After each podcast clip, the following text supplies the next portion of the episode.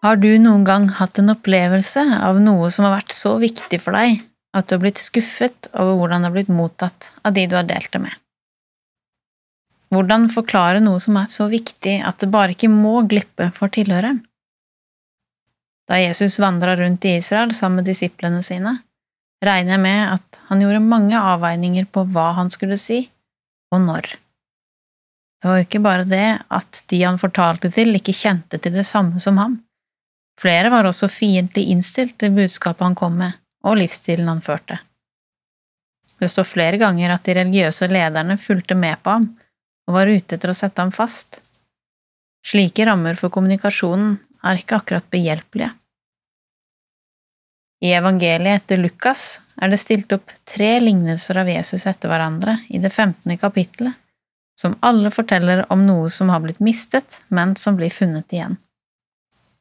Lignelsene innledes med at fariseerne og de skriftlærde, altså respekterte jøder som tok troen og teologien på alvor, murret over at Jesus ikke var mer påpasselig med hvem han lot være en del av omgangskretsen sin.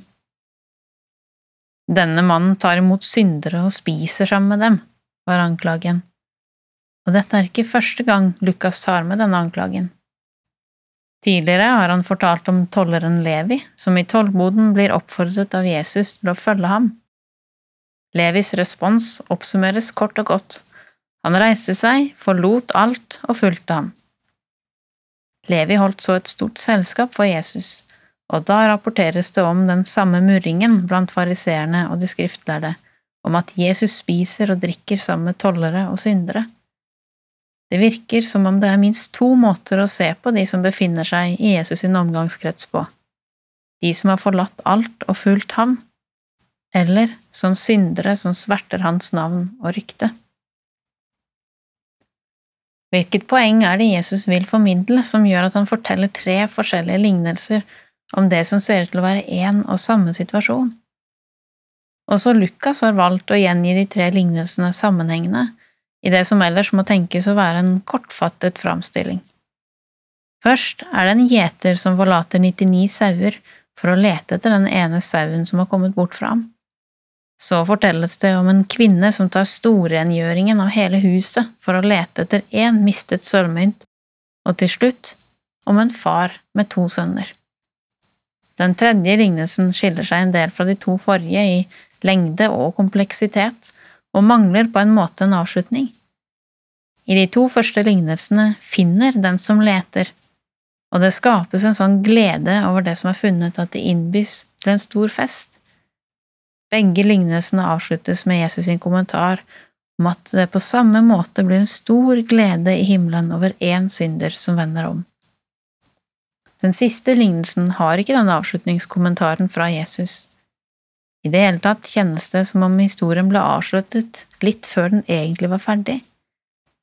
Lignelsen er kanskje best kjent som Den bortkomne sønnen, og med den tittelen har iallfall jeg tidligere tenkt at det siktes til den yngste av de to sønnene, men etter å ha brukt god tid på fortellingen, tenker jeg at i grunnen begge sønnene kunne gått under betegnelsen Den bortkomne sønn.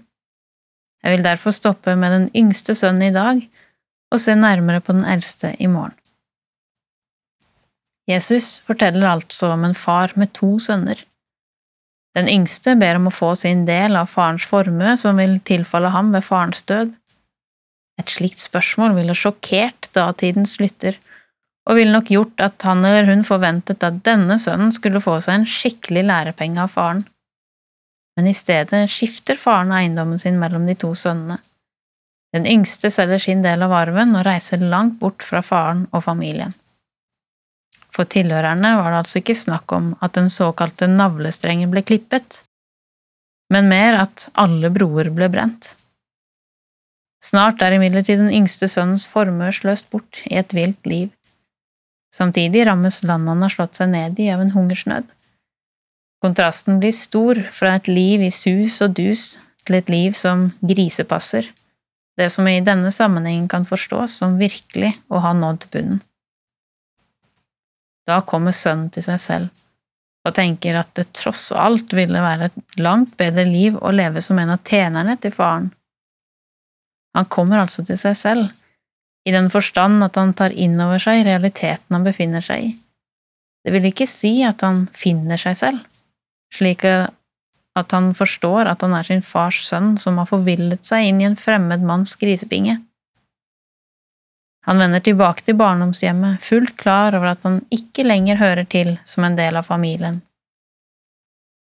Mens han enda var langt borte, får imidlertid faren øye på ham og løper ham i møte, kaster seg om halsen på ham og ønsker ham velkommen hjem. Faren lar ikke velkomsten vente på en synsbekjennelse eller en viss grad av anger. Sønnens tale om at han ikke lenger fortjener å være sønn, møtes av at faren skynder på tjenerne for å kle opp den hjemkomne som den han virkelig er. I de to forrige lignelsene til Jesus er det tydelig at det er gjeteren som finner sauen, og kvinnen som finner mynten. I denne tredje kan det virke som om det er sønnen som finner veien hjem, men det gjør han ikke. Han kommer med et ønske om å få være tjener. Det er faren som finner sønnen sin, og det er i omfavnelsen til faren at han blir den hjemkomne sønnen. Og som gjeteren med sauen og kvinnen med mynten steller denne faren til en fest uten like. Denne sønnen min var død og er blitt levende, begrunner han festen med. Han var kommet bort og er funnet igjen. Som mor har jeg i noen korte, men grufulle øyeblikk ikke funnet sønnen min. I de øyeblikkene har det vært lite annet jeg brydde meg om enn å finne ham igjen.